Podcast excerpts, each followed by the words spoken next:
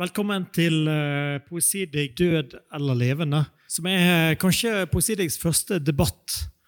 Etter syv år så har vi nå begynt å diskutere for alvor.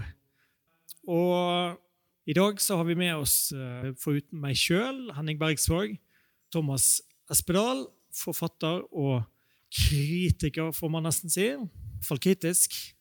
Frode Helmich Pedersen, veldig kritisk kritiker. Og Sandra Lillebø, poet og avishelt, eller noe sånt. Første del her så skal vi holde fire innledninger.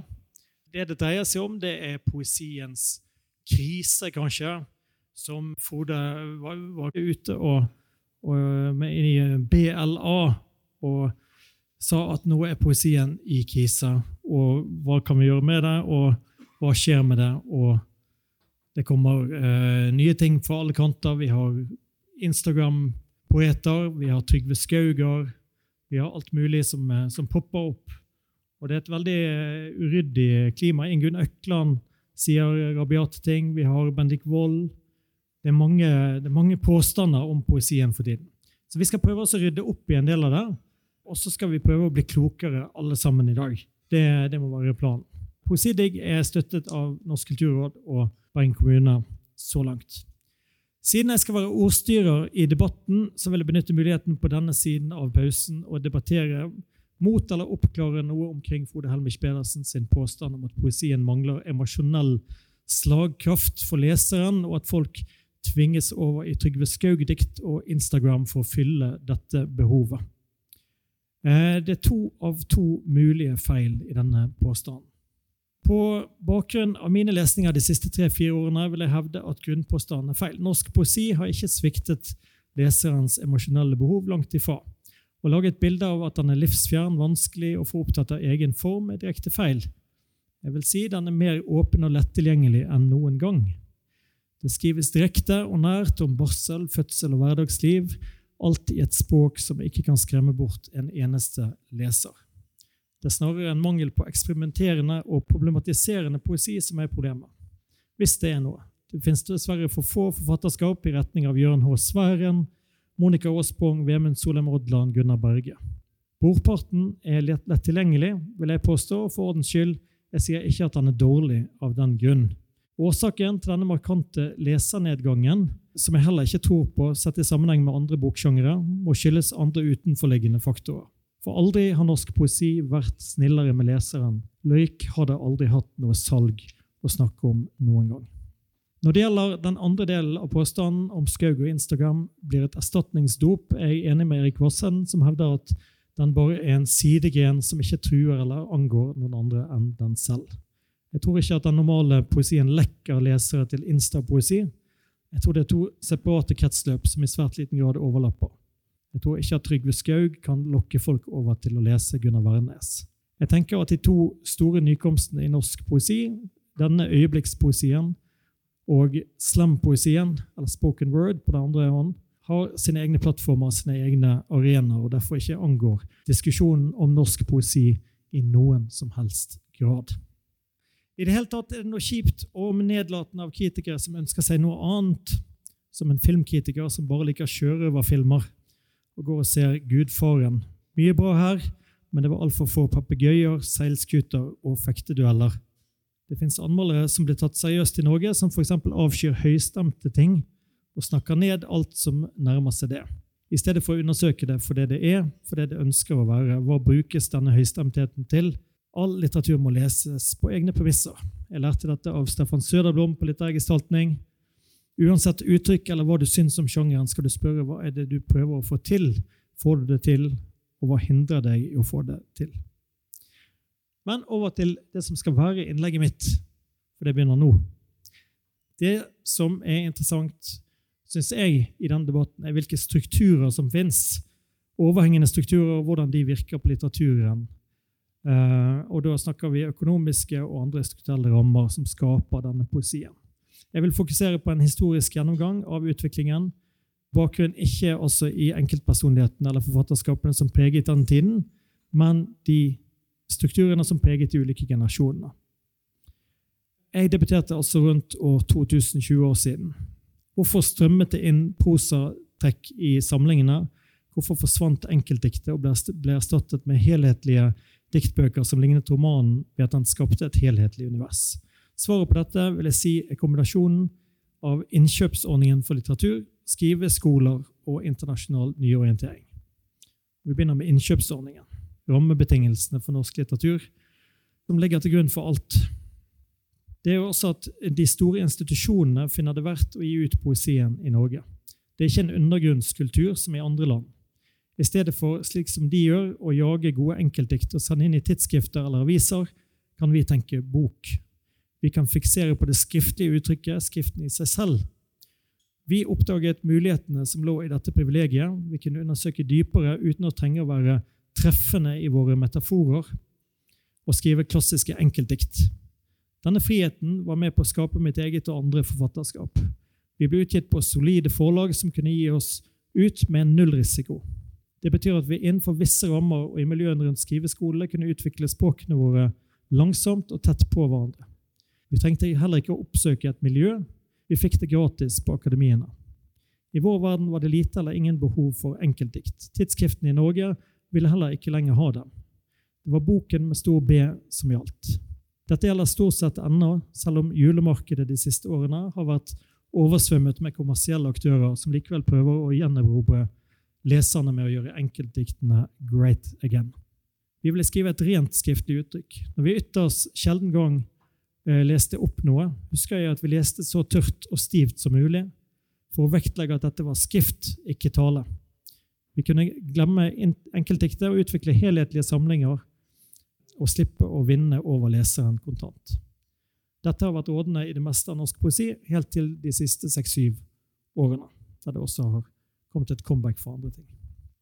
En helt annen avgjørende faktor i denne tiden rundt min debut i 2000 var at grensene til Sverige, Danmark, Frankrike og USA åpnet seg for fullt.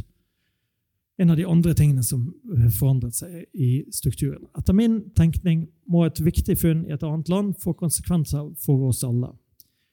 Eh, rundt 2000 laget vi to internasjonale poesifestivaler, meg og Thomas Espedal. og Der var det særlig oppdagelsen av language-poesien, ekrityrtradisjonen, som måtte få konsekvenser for oss. Det antilyriske metafornektene ble inspirasjonen for min egen skrift, selv om jeg valgte også andre strategier i min skriving. Jeg følte jeg måtte formulere mitt svar på denne oppdagelsen de gjorde. Jeg leste svensker som jeg visste hadde vært i berøring med denne, kretsen omkring det svenske tidsskriftet OEI, folk som Fredrik Nyberg og Helena Eriksson. Da vi inviterte alle disse til festivalene våre for 20 år siden, var vi fylt med håp. Vi så for oss en lysende fremtid for norsk poesi. Med denne nye, tørre vitamininnsprøytingen. Helt nye retninger. Men nei, norsk poesi produserte ikke juniorutgaver av Hokar, Tarkos og Monier. Det er fortsatt ingen som skriver noe som ligner Helena Eriksson i Norge og det ville være nesten utenkelig. Oktobers gjendiktningsserie, ledet av Rune Kristiansen, fikk også direkte innflytelser. Men det som satt igjen fra denne franske eksponeringen, var stort sett bare metaforskepsisen, som i vårt uttrykk ble til en prosaisk, konkret tilnærming. Ting er som de er, ikke et symbol på noe. Så kan man spørre seg om den samme innkjøpsordningen også bidro til at det som ble utgitt, ble for safe. Så kommer jeg til 2010 og utover der, for der kommer det et par nye elementer. Eh, nemlig en eventkultur samt nye distribusjonsformer. Fra 2010 og utover har man beholdt mange av de trekkene jeg har snakket om, men med to nye viktige innslag. Muntligheten fra opplesningskulturen og den umiddelbare notatformen fra de sosiale mediene. Denne nye sosiale virkeligheten er uunngåelig for de nye stemmene. De unge skriveskolepoetene blir sendt rundt fra scene til scene for opplesninger før de har skrevet ut sin første kladdebok. Det skal fungere fra scenen. Eventkulturen som har eksplodert, har gjort opplesningsformen til den bredeste kontaktflaten mot publikum på bekostning av bokformen. Og jeg vil påstå at poesien nå har fått en langt større eksponering enn tidligere, på godt og vondt. Hvis poesileserne har blitt færre, har opplesningspublikummet økt i tifold. Den nye enkle poesien Poesien har i dag altså beholdt metaforskepsisen fra min generasjon, men plukket bort eksperimentene og konseptene. Den har tatt det uspektakulære ned på enda videre og nærmer seg nå notatet, det ubearbeidede, noe du skribler ned. Man skriver fortsatt samlinger med tydelig jeg, noe tilsynelatende selvopplevd autentisk. I Instagram-poesien er dette tatt enda videre. Dette tror jeg er forbundet med to ting. Muligheten til umiddelbar distribusjon er en av de. For hvis du er ung skrivende, hvorfor vente tre år med at setningen du skriver, kommer ut i en bok som treffer 200 mennesker, når du kan blaste den ut umiddelbart til dine 1500 følgere? Det ble den nye selvtrykkende fanzinen, men totalt uten noen form for eksperimentering. En forlengelse av selfie-kulturen, der det litterære står langt nede på listen over hva som er viktig. Og det er fair enough. Nærheten er viktig. Jakten på autentisitet. Nye sosiale medier har forårsaket følelsen av et autentisk forsterket følelsen av et autentisk skriftavtrykk. Diktgjerdet knyttes nå til forfatteren selv mer enn noen gang, og som følge av dette mener jeg at man går i en konservativ, ja, reaksjonær retning i poesien. Men det er aldri så galt at det ikke kan brukes til noe. Som poet sjøl finner jeg fragmentet og notatet svært interessant, og har tatt det i bruk for det det er verdt. Sjøl har jeg de siste seks årene sett etter muligheter i det enkle språket og det tilsynelatende banale som man finner i denne poesien. Hvis jeg skriver for et jeg som ikke er meg, men en karakter, hvordan kan jeg da skrive? Hvis dette jeget f.eks. er en tilstand av sorg, hvor flinkt orker vedkommende å skrive? Vil ikke språket da bli rett på og direkte? Dette arbeidet jeg med i min forrige bok, Du er ikke her. Det blir et språk på bristepunkter, og det er spennende for meg. Det blir en overhengende risiko for at alt faller sammen. Det er spennende. Litteratur må stå på stupekanten, og det er fortsatt svært mulig i dagens poesiklima. Husk, poesien er ikke et jeg, det er et vi.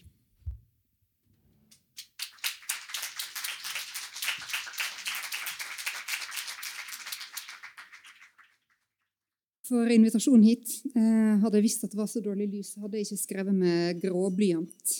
Eh, så jeg håper at eh, det her blir forståelig. Jeg har lyst til å si at jeg syns den typen eh, poesidebatter som eh, har oppstått nå, og som ikke er for så vidt noen sånn ny type debatt, man har sett den noen ganger før, jeg syns veldig ofte at den får preg av at det finnes en lang rekke aktører som eh, presenterer sine kjepphester, eh, og så får man liksom veldig mange kjepphester etter hverandre uten at man egentlig snakker noe særlig sammen. Så jeg har tenkt å snakke litt om mine kjepphester. Og jeg har lyst til å begynne med å snakke litt om klisjeer. Og grunnen til det er at klisjeen i debatter som det her gjerne eh, blir omtalt som eh, de blir, altså de blir omtalt, de blir viktige fordi de på et eller annet vis skal eh, bevise eh, hva som er dårlig eller god litteratur. Eh, og det her er viktig for meg fordi eh, jeg tror det er sånn at Eller jeg vet det er sånn at veldig mye av det litterære arbeidet dreier seg om nettopp å forsøke å finne formuleringer som er så gode og så presise og så allmenngyldige at de nettopp kan bli klisjeer. Gjentakelsen er ikke bare et poetisk virkemiddel. Det er en levende del av poesifellesskapets indre struktur. Det verste man kan si om en forfatter som uten å ønske det benytter seg av klisjeer, er egentlig at vedkommende er seint ute. En klisjé er ikke i seg sjøl, eller i sin essens, dårlig. Tvert imot så kan man gjerne argumentere for at en klisjé per se er god fordi så mange kjenner seg igjen i den og ønsker å bruke den. Klisjeen kan i mange sammenhenger åpne for erkjennelse. Dette er jo grunnen til at i hvert fall ett av barna mine fortsatt syns at det er morsomt av og til, fordi de ikke har hørt de platte foreldrevitsene før. Men aller viktigst for meg er at klisjeen er en vei inn i et språklig fellesskap og dermed også en vei inn i et menneskelig fellesskap. F.eks. For, for mennesker som står i vanskelige situasjoner, kan slitte uttrykk som sorgarbeid eller ta én dag av gangen ha en dyp og billedrik og ektefølt mening. Problemet med det her er at samtidig som klisjeen befinner seg i den ene enden av den poetiske skalaen, så befinner den språklige nyvinninga og innovasjonen seg i den andre enden. Og begge deler er en like viktig og integrert del av poesikulturen. Og dersom klisjeen er alt vi har, vil en stå i veien for nyvinning. Men en nyvinning som aldri klarer å skape nok gjenklang til at den kan bli værende i folks bevissthet, er utilstrekkelig. Når man spør seg om poesien er i krise, er derfor det man egentlig spør om, er om vi har fått en ubalanse i det forholdet her. At det finnes en for stor andel steril nyvinning. Eller det finnes en for stor andel klisjébefengt og brei og lett tilgjengelig poesi. Så hvis det er spørsmålet, så er svaret mitt nei. Det finnes ingen poetisk krise. Det finnes en rekke norske lyrikere i dag som skriver på et svært høyt nivå. Vi har Tone Hødnebø, Gunnar Wærnes, Steinar Opstad, Inger Elisabeth Hansen, Øyvind Ringbereid. Vi har poetiske lyrikere som Eivind Berg, Amalie Kasin Lerstang, Lars Ove Seljestad. Vi har yngre og svært talentfulle folk som Anne Helene Gudal og Kasper André Lugg. Og når alle de folka her finnes, så må jeg innrømme at jeg ikke klarer å bekymre meg så veldig mye for at vi også har Trygve Skaug. Det som bekymrer meg, er derimot balansen på et tilliggende felt, som er forlagsbransjen. Det bekymrer meg å se den voksende ubalansen i markedsføring mellom ulike lag av forfattere. Det bekymrer meg at vi ikke har en bedre avtale for honorering av antologibidrag, slik at vi blir avspist med en knapp tusenlapp før skatt for å bidra til en bok som forlaget tjener som gress på, uten å gjøre noe redaksjonelt arbeid med noen av tekstene. Og så bekymrer jeg meg for kritikken. Og her skal jeg komme med en brannfakkel. Det skrives masse bra poesikritikk i Norge. Morgenbladet har kompetente poesilesere i Beddari og Heiberg. I Klassekampen skriver poeten Espen Stueland, og jeg vil også trekke fram eh, han som fikk pris i dag, Eivind, eh, som ble årets kritiker. Eh, Månedsavisa eh, Blad trykker lengre essay som poesi, og Vårt Land har til og med klart å rekruttere Gunnar Wærnes som kritiker. Jeg er ikke bekymra for de lange og gode anmeldelsene. Det jeg er bekymra for, er at det er den eneste bekymringa poesifeltet klarer å uttrykke. Fordi den eneste poesikritikken som finnes, er egentlig det her. Det vi mangler, er den korte, tilgjengelige kritikken som skrives på hver knaus i hver eneste lokalavis i landet, og som vi hadde for ikke så veldig lenge siden. Man bygger ikke en felles offentlighet på to gode essayister. Man bygger den på 100 sånn middels kritikere med varierende kvalitet, men som sørger for at navn og titler blir nevnt, og at folk får med seg hva som skjer, og hva som blir utgitt, og at de får anledning til å gjøre seg opp en mening sjøl. Vi som beskjeftiger oss med litteratur, har lett, latt det her skje. Vi har ikke tatt oss bryet med å verne om de halvgode kritikerne som har fantes i Altaposten og Sogn Avis. Vi har latt dem miste jobben sin, én etter én, mens vi jamrer oss over at VG ikke ser ut som vagant. Det er å ta fra hverandre det huset vi sitter i. Takk.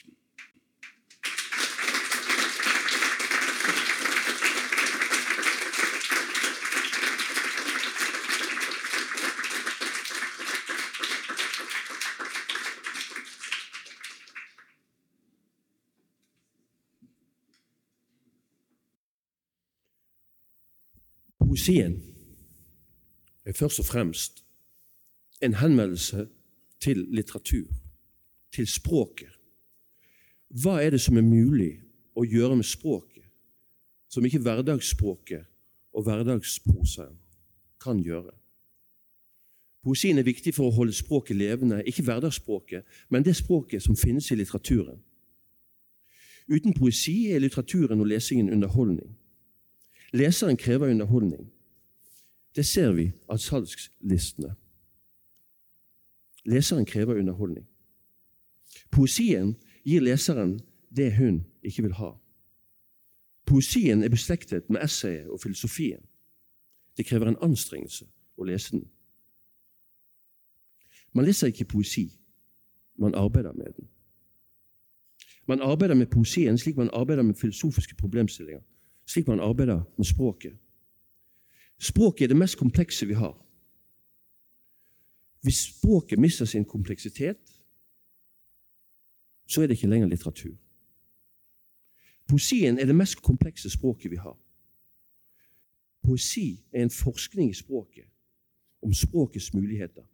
Kan språket forandre vår verden? Finnes det et revolusjonært språk? Finnes det et opprør i språket, en motmakt? Finnes det et mindre språk som kan forårsake store omveltninger? Hvorfor leser ikke du poesi? Poesien kommer ikke til deg. Det er du som må komme til poesien. Hvis du vil lære å lese, hvis du vil lære å skrive, hvis du vil lære å tenke, hvis du vil lære å tenke, så må du lese poesi. Poesien har kraft for den som oppsøker den.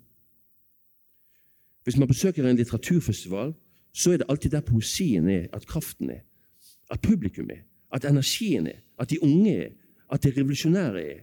Poesien er alltid et ønske om fellesskap og forandring. Samtidspoesien er den viktigste litteraturen. Det vet alle som kan lese. Litteraturviterne leser Vigdis Hjorth. De leser Knausgård. De leser Kjetil Bjørnstad. Den sterke leseren leser poesi. Litteraturviterne leser Hollebekk og ser fjernsynsserier. Den sterke leseren leser Anne og Keith Waldrop. Litteraturviterne i Bergen skriver om Bob Dylan og Leonard Cohen. Den sterke leseren skriver om N. Carsten og May May Bersenbrugger. Litteraturviteren i Bergen tror at sanglyrikken er den viktigste poesien. Man holder seminarer og har foredrag om Bob Dylans sanglyrikk. På den måten kaster man bort ressurser på det å ikke undervise sine studenter. Alle og enhver kan høre på en sang av Bob Dylan. Man trenger ikke en professor fra Bergen for å forstå en sang av Bob Dylan. Litteraturvitenskapen svikter poesien. Man burde undervise i poesi, i samtidspoesi, den vanskeligste litteraturen. Det er også litteraturviterens oppgave å formidle poesi. Når litteraturviteren påstår at poesien ikke lenger er viktig fordi den ikke når ut til folket, så er det fordi litteraturviteren ikke vet hvor folket er.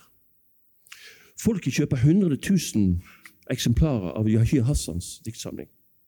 Folket befolker poesifestivaler, litteraturfestivaler, og klubber og opplesningssteder, kafeer og poesiarrangementer. Folket låner poesibøker på bibliotekene, og folket leser dikt på Instagram og på nettstedene. Det er den ignorante og den krakilske litteraturviteren som ikke lenger er folkelig. Han vet ikke lenger hvor poesien er. Takk.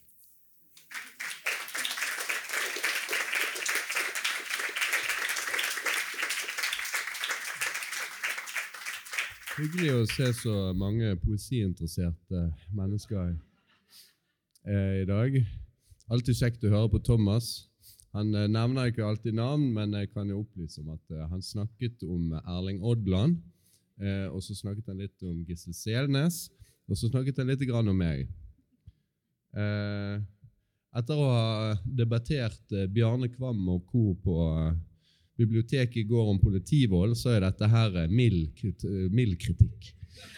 Og, og lett å forholde seg til til det der siste med at litteraturvitenskapen liksom svikter poesien og, og, sånn, så er jo Thomas har jo i mange år vært en, en ekspert på å snakke om ting han ikke har greie på. Sant? Så Thomas vet jo ingenting om hva litteraturvitere driver med til vanlig, men han ser av og til at vi slenger litt med leppen, og så fyrer han seg opp. Og så gjør han det her i dag også. Men jeg kan eh, forsikre dere alle om, da, f.eks. Eh, vi som er på nordisk litteratur, vi eh, står på barrikadene for poesien hver eneste dag. Vi underviser utrettelige poesi. Vi har et svært poesipensum eh, fra sagalitteraturen og helt frem til eh, i, i samtidspoesien. Og Det underviser vi i, og vi eh, prøver å skape en levende interesse for den, type den, type litteratur også eller Vi har jo da det håpet om at i og med at vi utdanner lektorstudenter, og sånn, at, at, at dette kan, faktisk kan komme videre ut i skoleverk osv. Så eh, mye av dette er jo bare feil. Eh, både Sandra og Henning og Thomas så virker det som det ikke er noe problem Vil si, poesien lever i beste velgående. Til og med poesikritikken lever i beste velgående. Så vi kan egentlig avlyse seminaret og gå hjem i trygg forvissning om at alt står bra til. Jeg spør meg om det er helt sant. Jeg mener litteraturen er under stort press. Mitt inntrykk som lærer eh, både på Skrivekunstakademiet og på universitetet er at uh, unge mennesker som kommer til oss, uh, de er like interessert i og for seg i litteratur som noen gang før, men de er veldig mye mindre opplest. Så det er et eller annet med vanene til folk som har forandret seg. folk har lest mye mindre, er mitt inntrykk. Det fins litt statistikk som, som, understøtter det. Og det tror jeg, Der tror jeg tendensene er ganske tydelige. Derfor så syns jeg det er dumt å late som om alt er bra. Eh, jeg tror at det er mye viktigere å vite hva vi står overfor. Vi står overfor en kultur som ikke er spesielt litterær. Og det er en mulig fremtid for oss. Eh, så det syns jeg vi bør ta alvorlig. For min del, når det gjaldt den der eh, BLA-artikkelen som satte i gang mye, det var jo litt sånn der sent på kvelden og ha deadline og få ut et eller annet. For min side. Men noe av det som undret meg faktisk mest, det var én liten ting da jeg gjorde research til den artikkelen, som jeg syns var mest urovekkende av alt. Det var et referat fra et poesiseminar på Lillehammer, arrangert av kritikerne. Der fremgår det at kritikerne, og de kritikerne som drar til Lillehammerfestivalen, det er interesserte, dedikerte kritikere, stort sett. De er rett og slett ukomfortable med å skrive, eh, med å skrive om poesi. De har ikke noen spesiell mening om poesi. Eh, det fremgår nærmest at eh, altså En kritiker som ikke har liksom noe, noe, synspunkt på hva som er god poesi i dag, og hva poesien trenger nå, det er et veldig dårlig tegn i tiden, syns jeg. Riktignok har Sandra rett i at det fins et knippe gode litteraturkritikere skriver om poesi, men spør, jeg spør meg om ikke eh, om det er nok, da. Um, sånn at uh, jeg, tror, jeg, jeg, tror, at det faktum at vi har mye færre poesianmeldelser i norske aviser i dag, uh, at vi har mye mindre glød uh, blant kritikerne om å fremme en bevisst en bestemt form for poesi. Dette liksom er eh, det vi vil ha i dag, osv. Den der eh, litt sånn krakilske, litt sånn glødende poesikritikken, den mangler. Eh, jeg tror at det er noe man bør ta alvorlig. Um, og da er, jo, eh, da er, jo, spørsmålet ja, selges det egentlig noe poesi i Norge i dag. Det blir jo det neste. Når poesikritikken er i krise, er også poesien i krise. Vel, jeg har prøvd å, finne noe statistikk på det. Eh, det meste er skjult fordi at eh, man har bare statistikk på skjønnlitterære utgivelser. Man har ikke liksom differensiert det godt nok. Bendik Wold i 2007 tok opp en undersøkelse som var gjort. Der var det ingen som leste poesi. Eh, som kom frem i den undersøkelsen. Jeg frykter at ting står dårlig til. Jeg kan ikke bevise det. Men hvis, hvis det er sånn at Henning og Sandra og Thomas har rett i at nei, folk leser akkurat like mye poesi som før, ja, så er, så er, jo det ingenting bedre enn det, men jeg tror egentlig ikke så mye på det. Eh, og så har vi Men så er det dette her med ja, folk og altså, Thomas er jo en erkemodernist. Sant? Han sier at poesien er bare en henvendelse til språk, og det er bare en, eh, en øvelse i språk og sånn. Det er jo, det er jo et ut, uttrykk for en, en dogmatisk modernisme. Og, og, den har levd eh, i beste velgående i Norge siden kom jo veldig sent til Norge, da, men iallfall etter krigen. Eh, altså På 60-tallet kommer denne holdningen frem. Eh, jeg mener jo at den må ta litt av skylden for at eh, poesien ikke er noen levende tradisjon i de tusen hjem, da, slik den var tidligere. Og, og det, det, er jo ting som rett og slett når, når, når, når det er naturlig, når du har en Uh, en stor begivenhet i ditt liv, f.eks., eller du har sterke følelser, eller det er du, du får et barn, eller du, et barn skal konfirmeres, eller sånne ting, at du da liksom bare renner ut av deg ny norsk poesi som liksom markerer denne uh, følelsen og denne her stemningen. Det skjer jo ikke. Men det kunne skjedd, og det skjedde før. og så til dette her nyenkle, da Eh, altså, jeg, jeg, jeg, er for modernismen, for all del. Det er en stor poesi. og Jeg mener også at den kompliserte lyrikken er, er, er, veldig bra. og Jeg er helt enig med Thomas i at lyrikken ofte er noe du må jobbe med, og primært jobbe med. Men ikke bare. Det kan ikke bare være sånn. Når jeg leser der, eh, de eksemplene Nå er jeg blitt anklaget for å være en gammel mann som ikke gidder å sette meg opp av lenestolen. Så med en eller annen grunn, så liksom, De som driver på med Instagram, de er ute av lenestolen. De, de leser antagelig på fortauer og på buss, uh, mens jeg bare sitter liksom uh, ja. Men jeg er ofte på, både på fjell og, og til sjøs. og og sånn, og har poesien med meg inni hodet mitt hele tiden, fordi jeg er en av de som lærer meg poesi utenat. og sånn. Eh, så, så, så synger, synger, poesien i meg. Eh, så det er ikke jeg som er problemet her. Eh, men, men, men, men, mitt poeng har aldri vært det der at det nyenkle eh, er, er liksom er målet. Eh, hvis dere, hvis dere leser den der eh, 'Reven lå under birkerot', den sangen da jeg var liten Jeg skal ikke ta den nå. Men eh, eh der kan Og reven lå under birkerot borte ved Lyngen. Ja. Det er ikke noe enkelt dikt. Det er veldig enkelt eh, for barn å lære seg den sangen. Melodien er litt komplisert, eh, og sånn at den funker på flere nivåer. Men hvis du kan det diktet, som var da i folkelig eie, så viser det seg at det er, veldig, det er et veldig rikt dikt på forskjellige typer mening. Det er et allegorisk dikt. Det ganske, kan være ganske kan være, du kan lese det som veldig lyst, som et uttrykk for hvor fantastisk det er å være i live en solsynsdag, men også noe jævlig mørkt, nemlig at haren som kommer til reven ved Birkerot, eh, vil det, fordi at eh, haren rett og slett er erotisk eh, interessert, men vil bli fortært i prosessen. Ja. Sånn at uh, folkelige dikt av den Bjørnson-typen uh, de, de, er ikke, enkle. Uh, de er tilsynelatende enkle, og de fungerer. Og jeg hadde jo syntes det var veldig kjekt hvis norske, nye norske gode poeter skrev sånne dikt i dag, istedenfor at jeg skal da bli belemret med instapoeter som sender meg instadikt om meg sjøl på e-post og, og, forklarer meg og hvordan det liksom henger sammen. Eh, med poesien og litteraturen og profes professorene. Sånn at eh, eh, Den der instapoesien for meg det, det, er litt mer sånn uttrykk for at folk er veldig interessert i å skrive poesi, men de er ikke så interessert i å lese poesi.